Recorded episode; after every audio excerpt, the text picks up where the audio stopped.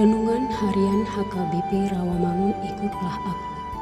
Jumat 9 Juni 2023 Dengan judul Tuhan Pelitaku Bacaan kita pada pagi hari ini tertulis dalam 1 Raja-Raja pasal 3 ayat 4 hingga 15 Bacaan kita pada malam hari nanti tertulis dalam Injil Markus pasal 10 ayat 46 hingga 52.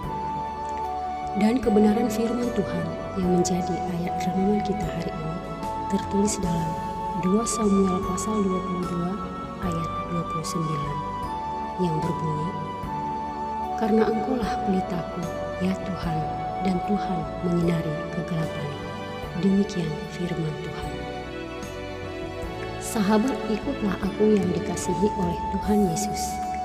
Perjalanan kehidupan Daud bagaikan berjalan di tepi jurang maut. Beberapa kali nyawanya terancam. Situasi seperti ini menggambarkan betapa tidak enak rasanya kehilangan rasa aman seperti itu. Namun pertanyaannya, mengapa Tuhan tidak memberikan jalan mudah baginya?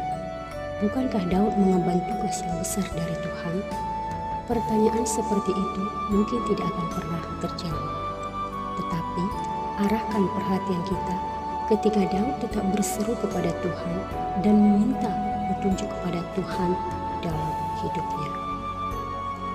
Mungkin kita dapat merasakan dan memahami pergumulan-pergumulan Daud karena seperti kita, ia pun jauh dari sempurna.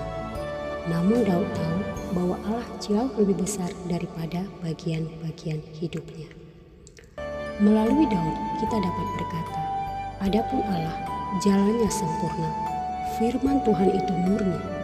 Dia menjadi perisai bagi semua orang yang berlindung padanya. Semua orang itu termasuk kita manusia. Dari apa yang dialami oleh Daud, kita belajar bahwa pergumulan itu ternyata akan bagian daripada manusia tanpa melihat status, pekerjaan, harta, strata sosial, dan sebagainya.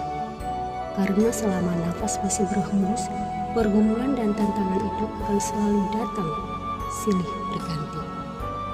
Daud dalam pergumulan dan di dalam keberdosaannya, ia datang kepada Tuhan.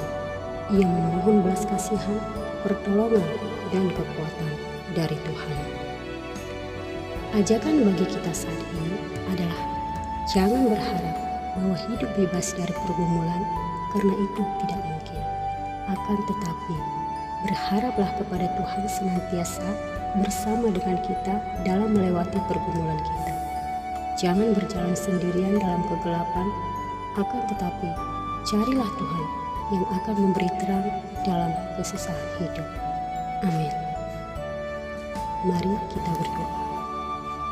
Ya Tuhan Yesus Kristus, Engkaulah pelita kami dalam dunia ini, sehingga kami berjalan di jalan terang.